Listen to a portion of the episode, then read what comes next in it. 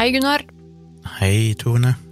Hjertelig velkommen til deg som hører på, til, eh, tilbake til eh, Virkelig grusomt etter en eh, liten julepause. Og det er jo nytt år, det er ny episode, og som vi nevnte rett før jul, så lagde vi en sånn en sånn liten, hva heter Gallup. det? Gallup. hvor du som lytter på kan stemme over dine tre favorittepisoder. Og så, for dette er jo episode 49, så vi tenkte jo at nå neste uke, uke, holdt jeg på uke 50, eh, episode 50, så skal vi ta en sånn liten oppsummeringsjubileumsepisode, oppsummerings-jubileumsepisode, hvor vi snakker litt om eh, de tre episodene som ifølge dere, lytterne, har vært de mest populære. Så det er jo sånn at uh, dere fortsatt har tid til å stemme. Uh, det er noen, uh, heldigvis, som har vært inne og stemt for, på sine favoritter, men vi vil gjerne ha flere stemmer. Jo flere stemmer vi får, jo mer nøyaktig blir resultatene her. Så gå gjerne inn på, og, på den gallupen og, og stem. Hvor finner de den, Gunnar? Den er posta litt forskjellige plasser, men primært inne på Facebook-sida vår. Det er virkelig grusomt inne på Facebook. Der ligger der et par poster. Jeg har posta den to ganger, med link til et sånn eksternt Google-skjema. Og den, eh, det skjemaet krever at du logger inn med en Google-konto, og vi samler ikke noen adresser, de blir ikke lagra, men eh, det er kun sånn at du ikke kan stemme mer enn én gang. Og sånn at du faktisk kan endre din stemme seinere hvis du skulle ombestemme deg etter å ha hørt denne episoden, for eksempel. For denne episoden har jo ikke vært inne på lista før nå. Mm, det er sant, det. Så hvis du skulle synes at du vil endre stemmen din til å heller inkludere denne, så kan du da logge inn på nytt og endre på stemmene dine. Det er ikke noe begrensning på hvor mange stemmer du kan gi, men vi, for det støtter ikke det skjemaet, eh, altså hvor mange alternativer du kan velge. Men vi har sagt tre. Kryss av dine tre favoritthistorier, og det trenger ikke være de mest grusomme historiene, det kan bare være de tre episodene du likte best, som gjorde mest inntrykk på deg, som du husker best, et eller annet sånt. Så gjør det. Eh, Det går òg an, jeg har jo posta den, og jeg kommer nok til å poste den igjen et par ganger i løpet av uka som kommer, på Twitter-kontoen min, som er Civix, C-I-V-I-X. Det gjør kanskje du òg, Tone? Ja, Tone Sabro heter jeg på Twitter, kommer sikkert til å dele den der, eh, jeg også.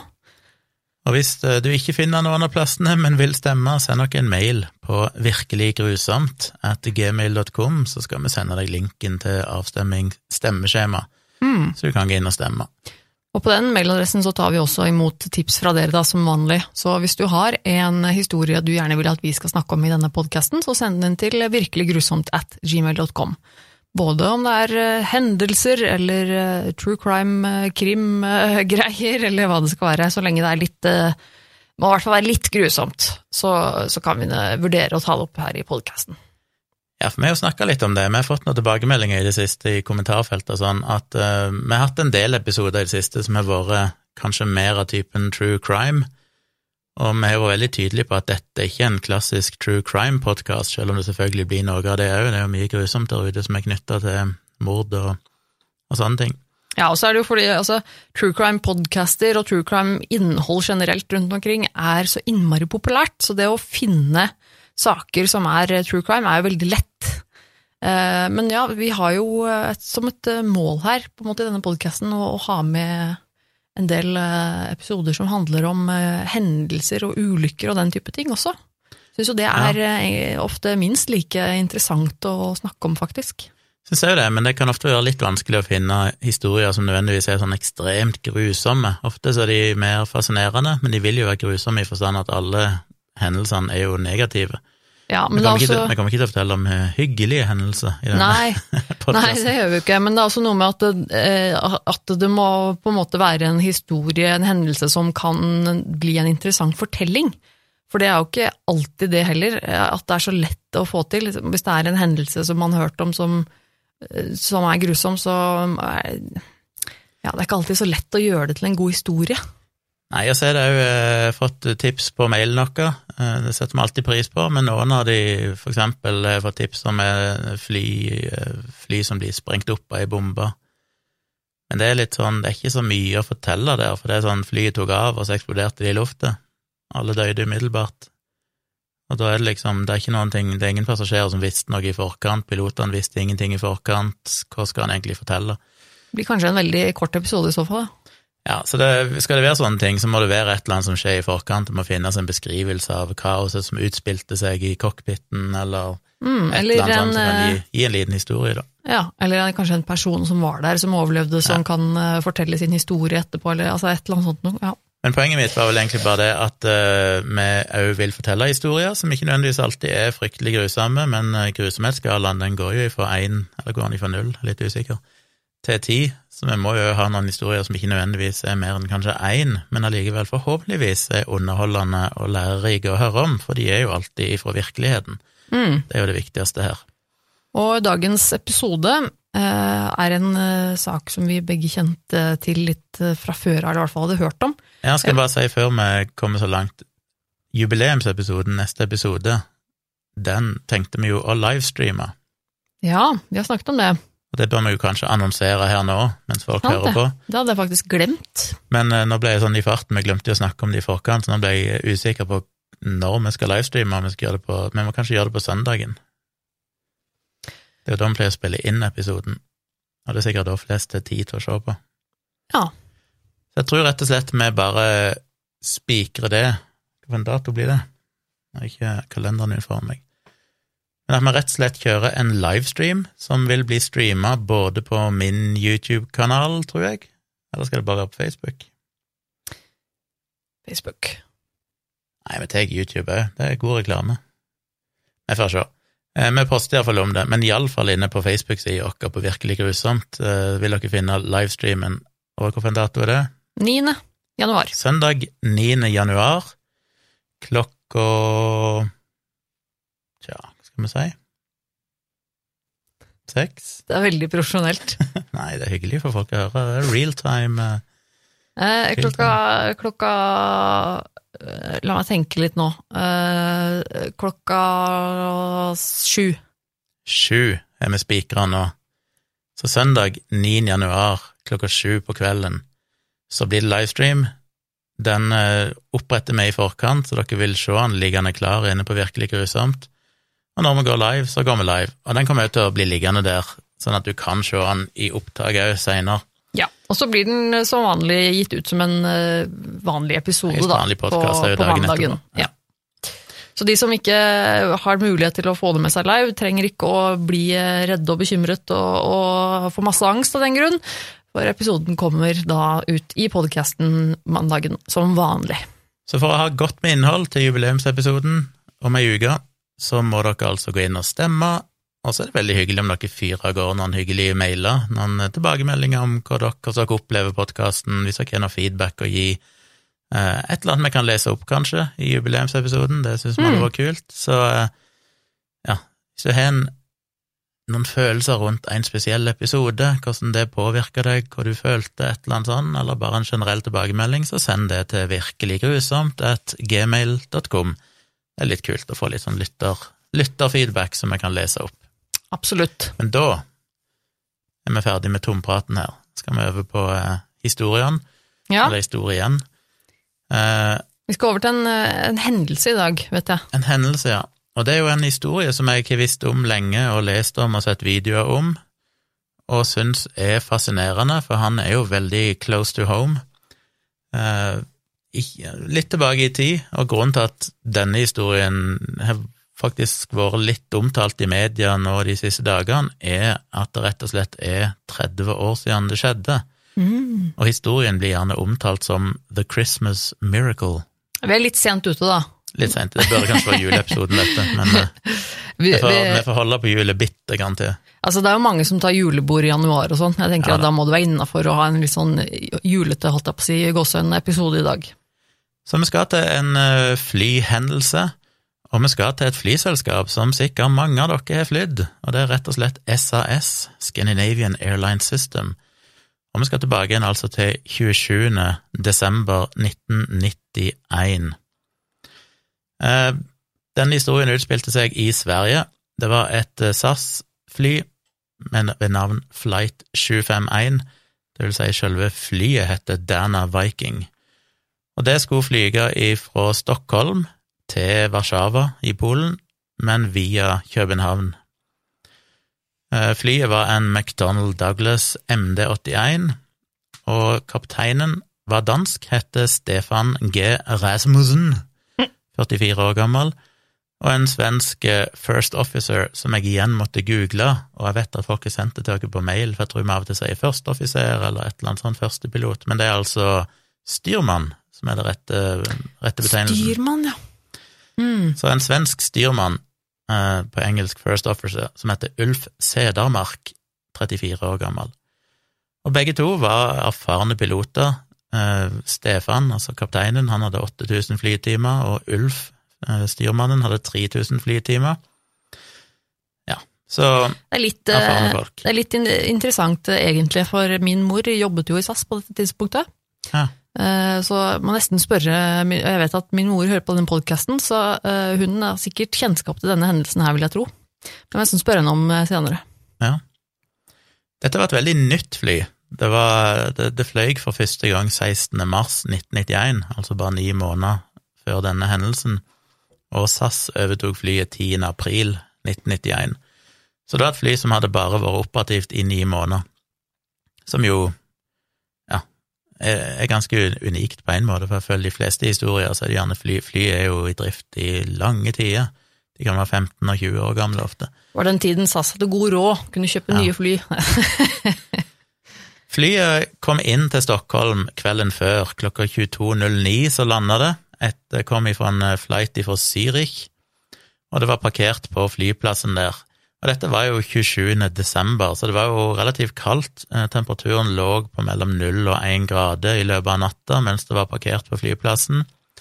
Men i vingene så hadde de rundt 2,5 tonn med drivstoff.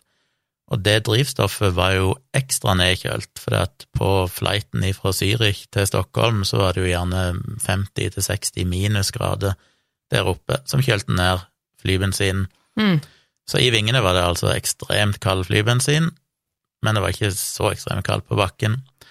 Allikevel så førte jo dette til at i løpet av natta så forma det seg eh, en veldig sånn klar is oppå vingene, på begge vingene, på overkanten. Og det er jo ikke så bra.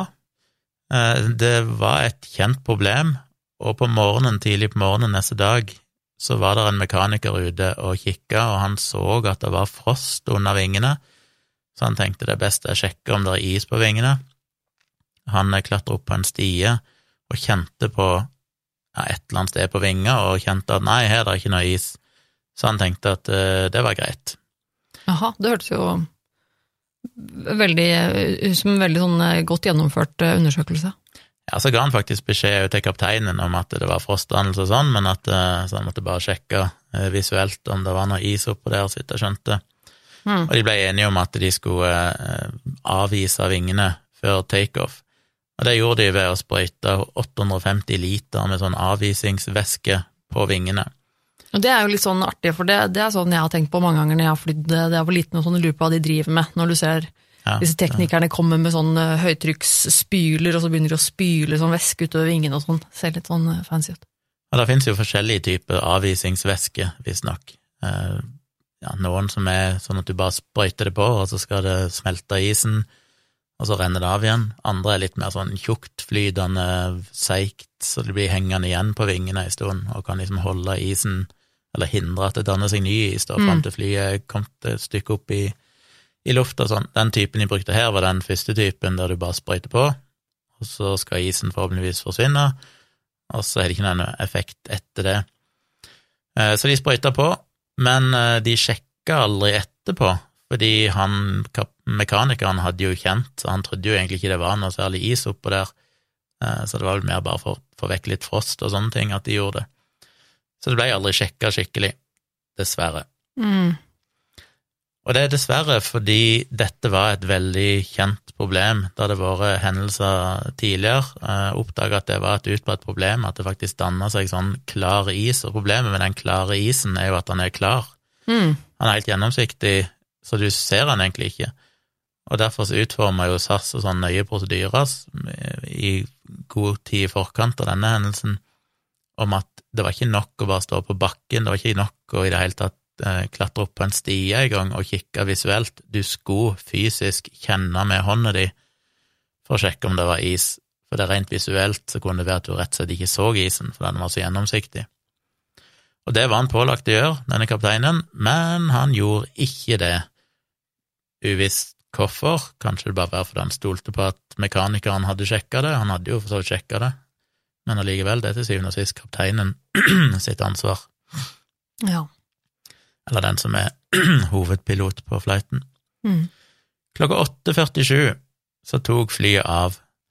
Like etter takeoff så begynte jo isen å brekke av ifra fronten, oversida av vingene, og ble sugd inn i jetmotorene på begge sider, både venstre og høyre side. Det førte til at eh, disse her rotorbladene ble deformert og ødelagt, som igjen påvirker luftgjennomstrømminga til disse kompressorene i jetmotoren. Eh, Det gjør at de mer eller mindre ja, De stopper ikke opp, men det, det skaper noe som heter en surge, compressor surge på engelsk. Oversett ordet surge, så får du bølge. Litt usikker på hva den korrekte tekniske betegnelsen er. Ja, liksom, ja. Men det Mm. betyr egentlig at eh, du er avhengig av at luftet som kommer inn framme i jetmotoren, skal da komprimeres bak i motoren, eller inn i motoren. Men hvis strømmen av luft som kommer inn, blir for låg fordi at disse rotorbladene ikke lenger eh, fungerer som de skal, så kan det ende opp med at den komprimerte lufta istedenfor å bli spytta ut igjen framover, for det er ikke nok press fra fronten til å liksom holde det komprimert der bak, så det fosser i grunnen bare fram igjen.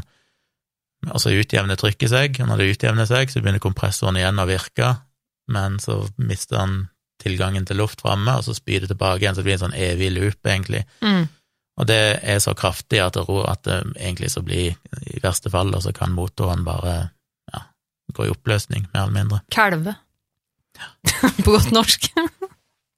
Så dette skjedde veldig fort etter takeoff. Eh, Pilotene de visste jo ingenting om hva som skjedde, men det var altså bare 25 sekunder etter at de hadde tatt av, så merka de at det kom noen lyder og noen vibrasjoner ifra motoren på høyre side.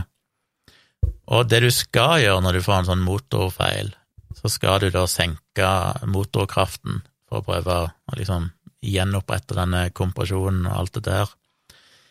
Så de gjorde det opprinnelig, de reduserte motorkraften litt, men, og det er jo dette som er så irriterende og, og egentlig rart i denne saken her, det er at i det øyeblikket de gjorde det, så var det et automatisk system på dette flyet som heter ATR, for Automatic Thrust Restoration, som kobla inn for å motvirke det at eh, pilotene reduserte motorkraften.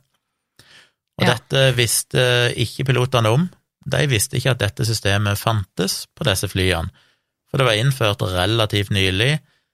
Eh, SAS hadde heller ikke blitt informert av McDonald Douglas om dette, men det var beskrevet veldig detaljert i bruksanvisningen, og teknisk sett så skal da SAS eh, få med seg dette og oppdage at oi, her er det noe som vi må lære pilotene noe, og da inkorporere det i opptreningen Mm. eh, i bruk av disse nye flyene. Men det hadde ikke SAS gjort, de hadde ikke fått det med seg, og McDonald Douglas hadde ikke varsla eksplisitt om det på noen måte, så vidt jeg skjønner. Så pilotene visste ikke om dette, og det førte jo til at de endte opp med å på en måte krangle med flyet. De senka motorkraften, men så tenker da flyet at eh, dette stemmer jo ikke. Å nei, vi kan ikke skru ned motorkraften nå, det er jo kjempefarlig. Og så da Ja, set, farlig er en- Farlig er én ting, men visstnok så var det innført fordi det skulle redusere støy i Ja, ja. takeoff. Nei, jeg vet ikke helt hvorfor du reduserer Ja. støy ved å øke motorkraften, men det er tydeligvis en greie. Men så kicker jo den da inn som en sånn sikkerhetstiltak, og så blir de da to motkjempende krefter som eh, Så den motvirker jo dette, og dette var jo høyre motor i første omgang, så når de senker motorkraften, så er jo det det rette å gjøre, selv om det viser seg at de skulle egentlig ha senket den mye mer. Men allikevel, de senker den litt, og så bare kicker den ATR-en inn, og så skrur opp igjen motorkraften, som basically bare ødelegger motoren, for da, når den Mm. da er skada, og du skal opp igjen motorkraften, så fucker den jo helt. Og dette visste de ikke om, så de skjønte jo ingenting av hva som foregikk. Eh, så det er jo litt interessant, det høres jo nesten ut som en sånn eh, ja, eh, film, nesten, at i en av passasjerene var jo faktisk en SAS-kaptein som heter Per Holmberg, Mm. sikkert svensk han òg, og han oppdaga ganske tidlig at det noe skjedde, for han hørte noen sånne repetitive smell, som han beskrev nesten som kanonskudd ut ifra motoren, og skjønte at da er det noe galt. Mm. Så han ville gå fram og sa at uh, det er en kompressor-surge i motoren. Uh, han gikk fram til en av flyvertene og ba de om å gi beskjed videre inn til cockpiten om at det var noe galt med høyre motor. Uh, og det prøvde de å gjøre, men, men kapteinen og styrmannen var jo så opptatt med å holde flyet under kontroll på det tidspunktet at de fikk egentlig ikke med seg det. Men så gikk de inn, gikk vel hun flyverten eller han inn og fortalte det til de, eller en eller annen gikk inn og fortalte det, iallfall. Så de fikk jo faktisk eh, hjelp av han, og han er i ettertid blitt regna for å være en ganske viktig brikke i dette, fordi han kom seg da til slutt inn i, i cockpiten og hjalp de med å, å få gjort eh, de rette tingene. Mm. Bare ja, 39 eh, sekunder etter at denne første motoren begynte å, å tulle, så begynte venstre motor å gjøre det samme, Mm. og etter noen sekunder igjen så feiler rett og slett begge motorene fullstendig. På det tidspunktet så var de bare 980 meter over bakken. Og du kan jo tenke deg det, dere som er flydd, dere sitter på et fly, du kjenner motorkraften i det takeoff, og så mindre enn et halvt minutt etterpå, så hører du noen smell, og så, ja, litt over et halvt minutt etter det igjen, så blir det bare helt stille. Så blir det stille. Bare tenk deg det når du sitter på er et fly. knapt letta, liksom, men bare plutselig så blir det stille, og så er det sånn, ok, nå er jeg med et glidefly. Det er jo kult. det, det er jo eh, Jeg tenker det må jo være alle flypassasjerers verste mareritt å oppleve det. Ja, jeg så hadde ikke vært så høy i hatten der. plutselig blir det eh, musestille. Da tror jeg jeg hadde sendt noen SMS-er til mine kjære. Ah, fy fader. Så eh, piloten responderte fort ved å pitche nesa, altså vippe nesa av flyet litt nedover. Fordi når du kjenner motorkart, så gjelder jo da å prøve å forlenge glideperioden så lenge du kan. Hvis nesa peker for mye oppover, så kan du da ståle, som Mm. egentlig betyr at den oppdriften under vingene forsvinner, sånn at du nesten bare detter Ja. rett ned. Du bremser egentlig, da, effektivt Ja. Så han, han tippa fronten litt ned for å prøve å gli så langt som mulig, og så ga de beskjed til Arlanda flyplass om at eh, de hadde problemer og ønska å returnere. Altså, Sa de 'Houston, we have a problem'? Nei, unnskyld, jeg skal ikke men det som er så fascinerende, er at når du hører Jeg mener, hvis ikke dette bare er et falskt minne, da, men eh, jeg har iallfall hørt andre tilsvarende sånne flygreier. Det som er så interessant, er jo at du skulle jo tro at når du er, er oppe i det flyet, og begge motorene feiler, jeg mener, da er du liksom Da er du fucked, på en måte. Det høres jo ut som eh, det verste som kan skje. Du kan flyge med én motor helt fint, flyene er får flyge med én motor, det går helt greit, men at to motorer feiler samtidig, skjer jo så godt som aldri, Mm. og når det skjer, så er du jo lost, da er det liksom bare å gli ned og håpe på det beste. Men det som er interessant, er når du hører de her nødsamtalene, eller cockpit-recordene, eh, eller, ja, eller bare opptak av samtalen med, med flyplassen, så er de så rolige. Det er liksom sånn ja, nå har vi et problem med motorene, og vi requester retur til flyplassen. Det er sånn, Jesus Christ, de, forteller som om at sånn, ja, du, vi har et lite teknisk problem på toalettet her, så vi må kanskje Ja. Men det er liksom, nei, de har ikke fuckings mista to motorer Ja, nei, da har vi mistet, dø, eh. Begge motorene her og er i ferd med å krasje til eh, vår undergang, alle sammen. Jeg har hørt andre historier som jeg kanskje skal fortelle i seinere òg, der det er sånn helt ekstreme ting som skjer med flyet. Eh, og så er liksom bare den chille nødsamtalen. Det er bare sånn, ja, vi har et problem. Bare det er jo helt eh, utrolig. Altså at, at noen klarer å holde hodet kaldt da, og holde seg rolig i en sånn situasjon, det er, sier jo litt om hvor mye trening og hvor mye disse gutta, holdt jeg på å si, Altså, gutta sikkert, og jentene holdt jeg på å si, kan. da. Så er det sikkert stress og òg, ikke sant, at du har ikke tid til å bare Du må liksom bare fokusere på å formidle det mest sentrale informasjonen, som er at du trenger å returnere. Ja, Du har ikke så mye du, valg, du må liksom bare holde hodet kaldt. da. Men du oppdager jo så ofte at de som sitter og tar imot den samtalen, de skjønner jo ikke hvor alvorlig dette er. For de svarer jo sånn ja, vi skal få cleara, bla, bla. Men det, for de, jeg mener, for du må jo av og til returnere for relativt små ting. Holdt Ja. si, et tett toalett, holdt jeg på å si. Um, men det er akkurat som jeg tenker sånn, ja, men dere må jo fortelle dem hvor alvorlig dette er. De skjønner jo ikke, og det gjør de jo heller ikke ofte på flyplassen, så er det sånn i, på flykontrollen. Så tenker vel de at dette er ikke noe big deal, men egentlig så er det snakk om at de har mista begge motorene. Ja, eller, eller, så, eller så er det rett og slett at begge parter er trent til å holde Ja, seg så rolig at at de de ikke skal skal gi hverandre panikk, liksom. Ja. Jeg tenker at Hvis en av partene hadde begynt å skrike og få panikk, Da panikk, føler jeg at det så hadde vært nyttig at de fortalte deg hvor alvorlig dette faktisk er, men det er kanskje ikke noe betydning for prosedyren uansett, for de Nei, samme prosedyrene kicker vel inn uansett, kanskje. mm, Men ja, så de prøvde å ristarte motoren og sånn, det funka ikke. mm, Eh, og så, ja, det, det er liksom bare fascinerende òg, for at i den samtalen så hører de jo på et eller annet tidspunkt eh, at de fra flyplassen sier at ja, nå er det klarert, og jeg ber om at dere tar en høyre sving, og så tilbake igjen, så er det sånn eh, Nope. de er noen hundre meter over bakken, jeg mister begge motorene. Jeg tror ikke det er et aktuelt alternativ akkurat nå. Oh. Men det blir liksom heller aldri kommunisert, for det er de bare ikke tid til å fokusere på. De driter jo i hva, hva de på flyplassen vet sikkert på det tidspunktet, de må bare fokusere på å overleve. ja. Så de sank jo ganske fort, og bare glei bortover. Eh, Da de kom ned under skylaget, som var 270 meter over bakken, så kunne de se foran seg at det var ei sånn slags slette eller et jorde litt lenger fram, og under de så var det stort sett bare skog. Og der framme var dette jordet tilhørte en gård på et sted som heter Godtrøra i Uppland. Derfor ble det ofte også kalt for eh, Godtrøra-miraklet. Mm. Så de sank nedover. Etter hvert så begynte de jo å treffe toppen av alle disse furutrærne, eller hva det var, som var her, som førte til at deler av høyre vinge ble slått av. Og så traff de bakken med halen først, som førte til at tuppen av halen brakk av, og flyet glei 110 meter over dette jordet, som førte til at landingsstellet og sånn, understellet der, bare ble revet av, selvfølgelig. Mm.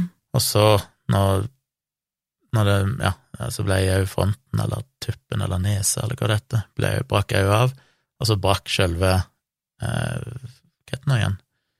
Fuselage. Ja, Skroget, eller er det det heter? Ja. Ja. Brakk i tre deler, så ble Oi. liggende litt sånn i sikksakk. ja. Eh, og det finnes jo finnes ingen videoer av det, men det finnes bilder av flyet der det ligger. Eh, Ute Mm. på dette jordet, mange bilder av det. Altså, det kan være det finnes videoer av selve flyet, men ikke av selve ulykka. Eh, og det mest fantastiske var jo at alle overlevde. Det er ganske utrolig. 25 personer ble skada, to av de alvorlig skada, men ingen av de endte opp med å dø. Og en av grunnene til det er blant annet at eh, før de var, eller i, det de var i ferd med å krasje, så ropte jo kapteinen Han brøyt visstnok prosedyrene der òg, for han skulle egentlig ha ropt noe sånn brace. eh, Brace for impact, eller noe ja. sånt.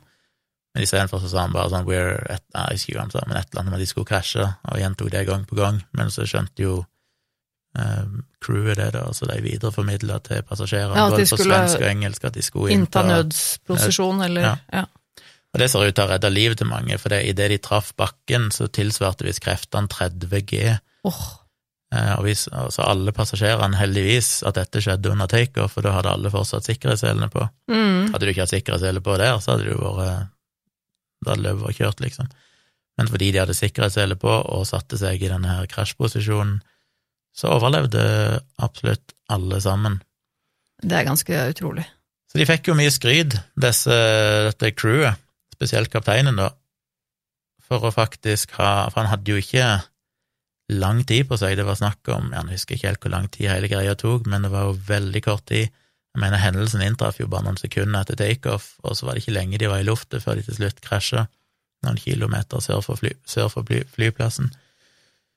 Eh, så han må jo ha tenkt ekstremt fort, og det minner jo litt om den der eh, Sully-greia eh, i New York, med han som landa i Hudson River. Hudson River. Mm.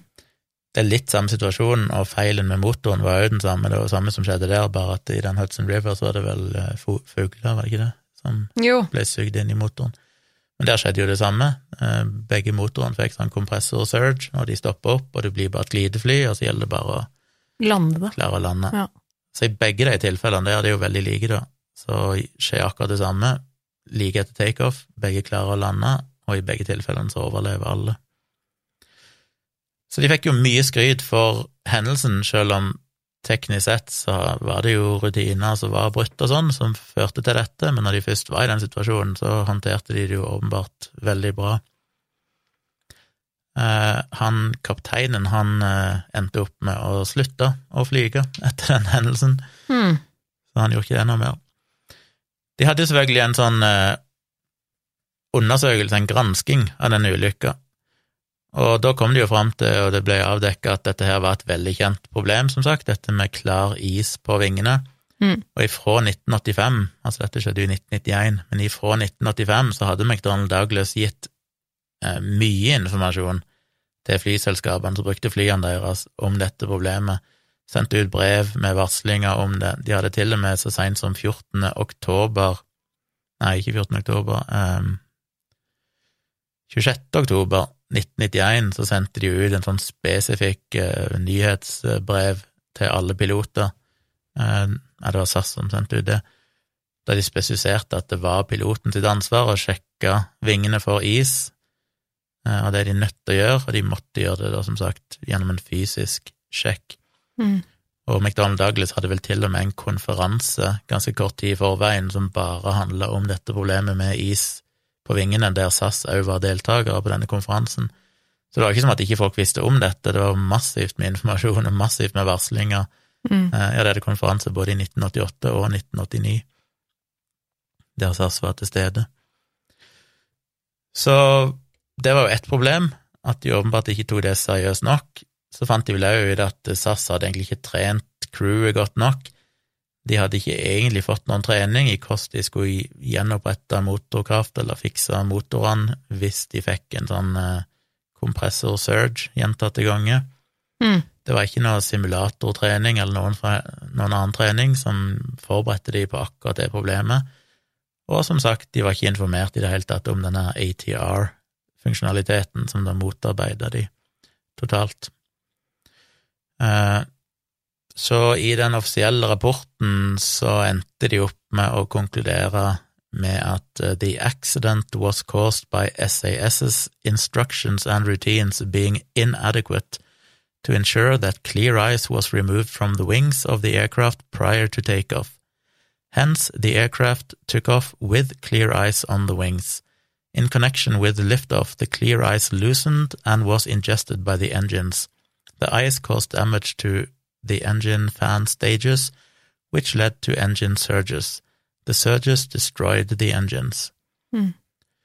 Altså, I tillegg til det så identifiserte de at pilotene ikke var trent til å identifisere og fikse dette problemet når det oppsto, og at eh, ATR da var innført på disse flyene uten at pilotene visste om det. De var heldigvis trent i å lande et fly uten motorer. Men denne flyulykka kunne veldig enkelt vært unngått, selvfølgelig, hvis de hadde sjekka for is og gjort det de skulle, men når det først skjedde, hvis de bare hadde eh, redusert motorkraften i den høyre motoren først, så ville sannsynligvis den ha klart seg, og da ville sannsynligvis heller ikke den venstre motoren ha feila totalt. Hmm. Så jeg er litt usikker på om, om de kunne skru av den der ATR, for de sa jo i rapporten at hvis de bare hadde senka motorkraften, så hadde, dette, hadde neppe motoren feila, og da kunne de hatt nok motorkraft og, og sånt, og så snu og flyge tilbake igjen til flyplassen. Ja, Men men, det er jo klart at- at det blir jo vanskelig å skru den av uansett, så lenge de ikke vet om den at den er der. Ja. Eh, men selv om de hadde visst om det, så er jeg litt usikker om det gikk an å skru den av eller ikke. Som om Mm. de kanskje var Ja, at det løpet var kjørt uansett. Ja. Så iallfall, jeg syns det er en fascinerende historie, både fordi det er så nært dere sjøl, det skjedde liksom i Stockholm, og det var et SAS-fly, Mm. eh, og det var jo en happy ending, tross alt. Så jeg vet ikke jeg om du kan klare å rangere det på grusomhetsskalaen på et eller annet vis? Ja, øh, det er jo Vi er, vi er jo på skalaen, på en måte. For det, for det er jo eh, Ikke en hyggelig juleferie, liksom. Nei, det er jo uten tvil ganske grusomt å oppleve dette her som passasjer og som eh, egentlig crew, selvfølgelig, og alle som er om bord i dette flyet. Det å oppleve noe sånt nå må jo være helt forferdelig skummelt, og man, jeg, jeg regner bare med at det, om ikke alle, så i hvert fall de fleste her ble vel ganske traumatisert av det. og det kan jo også eh, tyde på det, ettersom kapteinen sluttet jobben sin etterpå, så det jo, sier jo det ganske mye om hva slags traume dette her må ha vært, da, og for en utrolig påkjenning eh, dette her var. Mm. Og jeg tror neppe det er noe jeg kan tenke meg som er mer skummelt å oppleve, når du vet at på en måte takeoff og landing er de, de, to på en måte um, mest utsatte periodene på en flight, holdt jeg på å si. Det er liksom takeoff og landing er de der de er utsatt for mest risiko for at noe kan skje galt. Mm. Og det, og jeg tenker jo, det, det er sånn jeg alltid har i bakhodet når jeg er ute og flyr, så tenker jeg alltid sånn ok, nå er det takeoff, går det bra, går det bra? Ja. Og så er det når vi skal lande, så er det også sånn ok, nå skal vi lande, liksom. nå må vi Ja. Ja.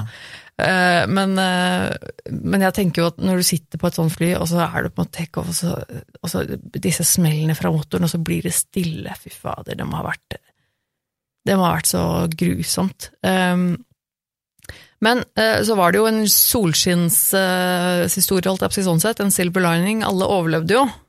Mm. Um, og det er jo selvfølgelig veldig, veldig bra. Uh, så jeg tenker kanskje vi Jeg vet ikke om jeg nevnte det, men det var 129 passasjerer og crew om bord. Så det var jo en del folk. totalt 129. Ja. Mm.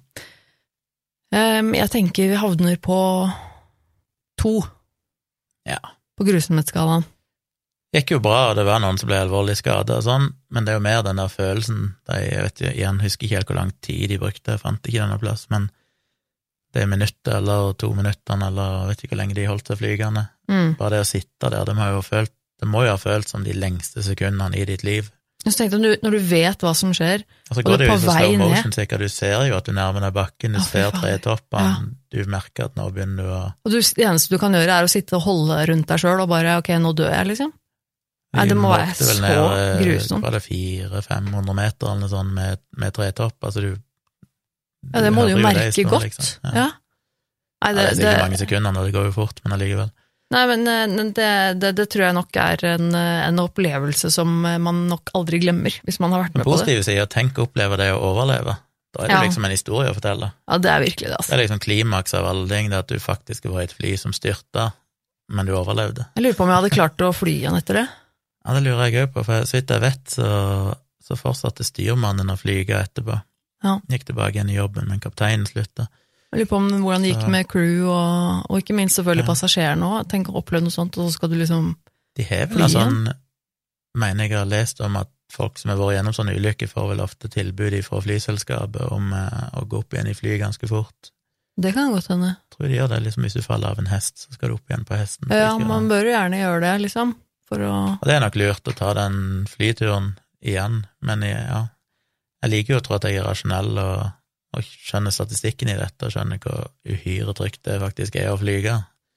Ja. At du, nok, du har større risiko Det er større sjanse for å dø mens du er på flyplassen, mens du er i, ja. i venteområdet, faktisk, eh, eller står ved gate, så det er flere som dør enn de som dør i flyulykker. Det er ganske dust å tenke på, Så du er faktisk mest utrygg når du er på bakken. I det øyeblikket du letter, så er du faktisk tryggere. Men allikevel, selv om en vet det sånn statistisk sett, så er det jo vanskelig å overvinne den der eh, irrasjonelle, fundamentale, eh, primitive frykten. Ja, det er noe med at eh, når når du da liksom som menneske befinner deg oppi en, en ståltube som flyr i luften, det er liksom bare noe veldig grunnleggende galt og veldig unaturlig med det. som bare, eller i hvert fall for meg, da, som, som bare virker utrolig skummelt. Så, og jeg, jeg, noe, jeg vil ikke påstå at jeg har noe flyskrekk, men, eh, men jeg, jeg syns ikke det er veldig liksom Jeg syns alltid det er litt sånn øh, å fly, eh, for at jeg, jeg jeg syns det er litt sånn ubehagelig når det er turbulens og litt sånn når altså jeg, jeg klarer liksom ikke å, selv om jeg er et rasjonelt menneske, så klarer jeg ikke å ikke føle at det er ubehagelig. Men så jeg tenker jo at jeg, jeg hadde jo sikkert vært helt ødelagt hvis jeg hadde opplevd det her. Ja, jeg frykter jeg òg hadde vært det. Jeg klarer heller ikke Jeg, jeg fløyet mye i mitt liv, og jeg er ikke redd, men jeg merker alltid at hvis det er gått en periode uten at jeg har fløyet, så er det litt mer sånn nervebærende enn neste gang jeg skal flyge. Og nå som det har vært pandemi og sånn, og jeg ikke har fløyet på lang tid, så kommer jeg sikkert til å merke det litt mer Ja, jeg tror på den første det. flyturen. Men i de periodene jeg har fløyet sånn ukentlig omtrent i forbindelse med jobb eller foredrag og sånn, Ja. Så blir det jo bare sånn, du tenker ikke over det, du bare går på flyet som en taxitur ja, det er klart, igjen. da blir det jo liksom mer vane og rutine, da. Men jeg, jeg kommer sikkert neste gang jeg er ute og flyr nå, da er det jo veldig lenge siden sist jeg Mm. har vært ute og flydd, kommer sikkert til å sette meg på flyet og tenke sånn, husker de hvordan de gjør dette her nå? Eh, vet de? altså, men, eh, men nei, selvfølgelig gjør de jo det. Men, eh, Men nei, det, det er noe, det er noe Jeg vet ikke, jeg føler at det er noe litt spesielt med, med, med fly, altså. Eh, Det er liksom eh, eh, Selv om det er den Det føles jo Tryggeste. naturstridig på et vis. Ja, det gjør det. Og selv om det er, eh, av om ikke den tryggeste, i hvert fall en av de aller tryggeste fremkomstmidlene vi har, eh, så er det likevel noe som føles utrolig utrygt med det. Pluss at i alle ulykker som er, så hvis du regner alle flyulykker, så overlever jo de aller, aller fleste, faktisk. Men det kommer alltid an på hvordan du definerer ulykken. Hvis du inkluderer alt av rubbel og og mm, små ulykker, så er det kanskje ikke så rart. Og som, Legger du med eh, de som detter ut av himmelen, så er det kanskje mindre som overlever. Men det er faktisk sjokkerende høyt antall som Ja. ender opp med å overleve. Og det er jo og det er også sånne ting som jeg også tenker mye på når det gjelder eh, flyulykker, som jeg har sagt også når vi har snakket om den type ulykker i denne podkasten før. Det er at jo mer jeg, eh, jo mer jeg hører om disse eh, ulykkene og, og ting som skjer, jo mer sikker blir jeg egentlig på å fly. Mm. Og det egentlig høres kanskje litt sånn eh, ut, eh, at man ikke blir mer redd for å fly når man hører om ulykker, men det som kommer så tydelig fram for meg når jeg, når jeg på en måte researcher sånne saker om det her, det er eh, Først, en ting er det, hvor, hvor sjelden det faktisk skjer, det er en ting, men også hvor utrolig dyktige eh, de er, disse pilotene, og hvor godt trent de er, Mm. og, og, og hvor, hvor mye de faktisk har trent på på forhånd, som de må kunne, og som de, altså alle disse Det, det er jo helt, egentlig helt utrolig. det helt stort sett aldri skjer en feil hvis det bare er ulykke Nei, det aldri skjer ulykker hvis det bare er én feil. Nei, som ikke sant? regel en serie med feil. Ja, men serie med mange feil, og så må de også på en måte da gjøre feil når de skal løse problemet. Altså, altså, på en måte, altså det er ganske mye som skal til for at det skal gå skikkelig gærent. Og er, jeg blir stadig liksom fascinert og utrolig imponert over hvor mye piloter kan.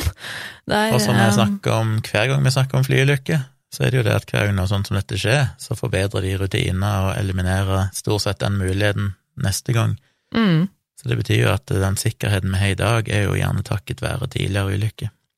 ja. De lærer noe nytt, innfører nye rutiner, og det er alltid interessant å lese sånne flyrapportene og sånn, for at dette er jo ikke noe de tar lett på, naturlig nok, både fordi det selvfølgelig er tap av menneskeliv og sånn òg, men fordi det òg faktisk er rent økonomiske konsekvenser. Mm, En ser jo gjentatte ganger at disse, iallfall disse litt mindre flyselskaper, som har en sånn skikkelig tragisk eh, flykrasj der mange dør, så går gjerne flyselskapet konkurs etterpå.